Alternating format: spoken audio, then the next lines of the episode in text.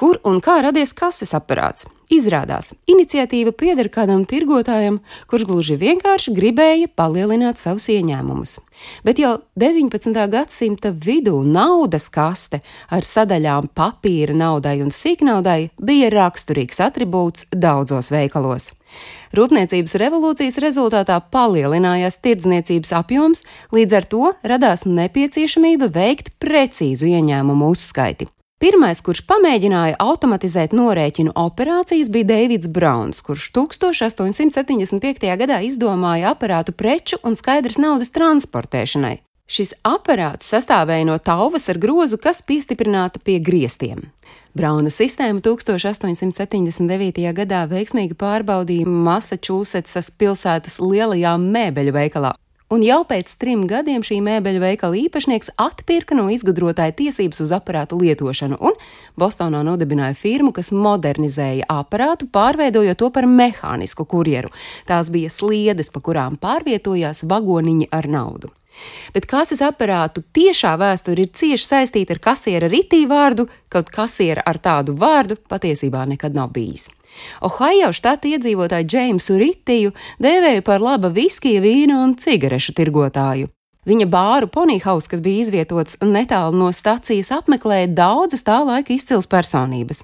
Bet pēc kāda laika, lai arī apmeklētāju skaits pieauga, viņa bārs sāka pelnīt ar vien mazāk un mazāk, jo atklājās, ka darbinieki saņemto naudu no apmeklētājiem lika savā, nevis īpašnieka kabatā.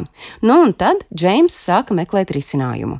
1878. gadā viņš devās ceļojumā ar tvaikoni uz Eiropu. Ceļojumā viņa uzmanību pievērsa ierīce, kura atskaitīja katru tvaikoņa dzinēju apgriezienu. Un tad Ritīs nolēma, ka tieši tādu principu var izmantot kases aparāta mehānismu darbībā. Atgriežoties Amerikā, viņš pastāstīja savu ideju brālim Džonam Ritijam.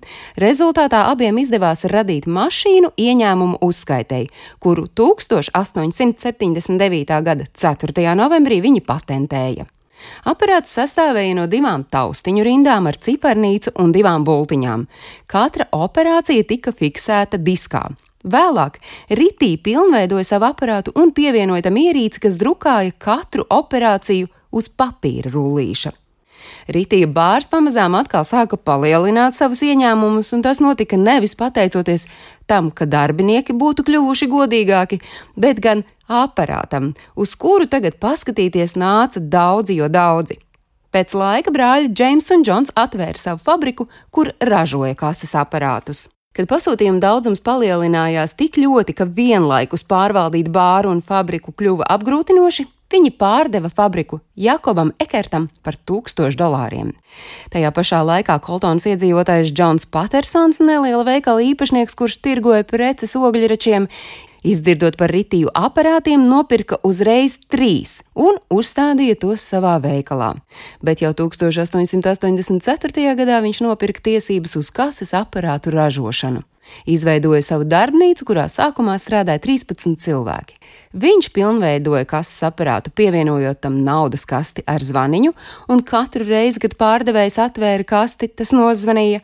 Bet ar to nebeidzās, jo nākamais, ko viņš izgudroja, bija ierīce, kas drukāja pircējiem čeku. Periodā no 1888. līdz 1915. gadam gandrīz visos veikalos Amerikā bija ieviesti kases aparāti. Stāstījumu sagatavoja Agnese Drunka.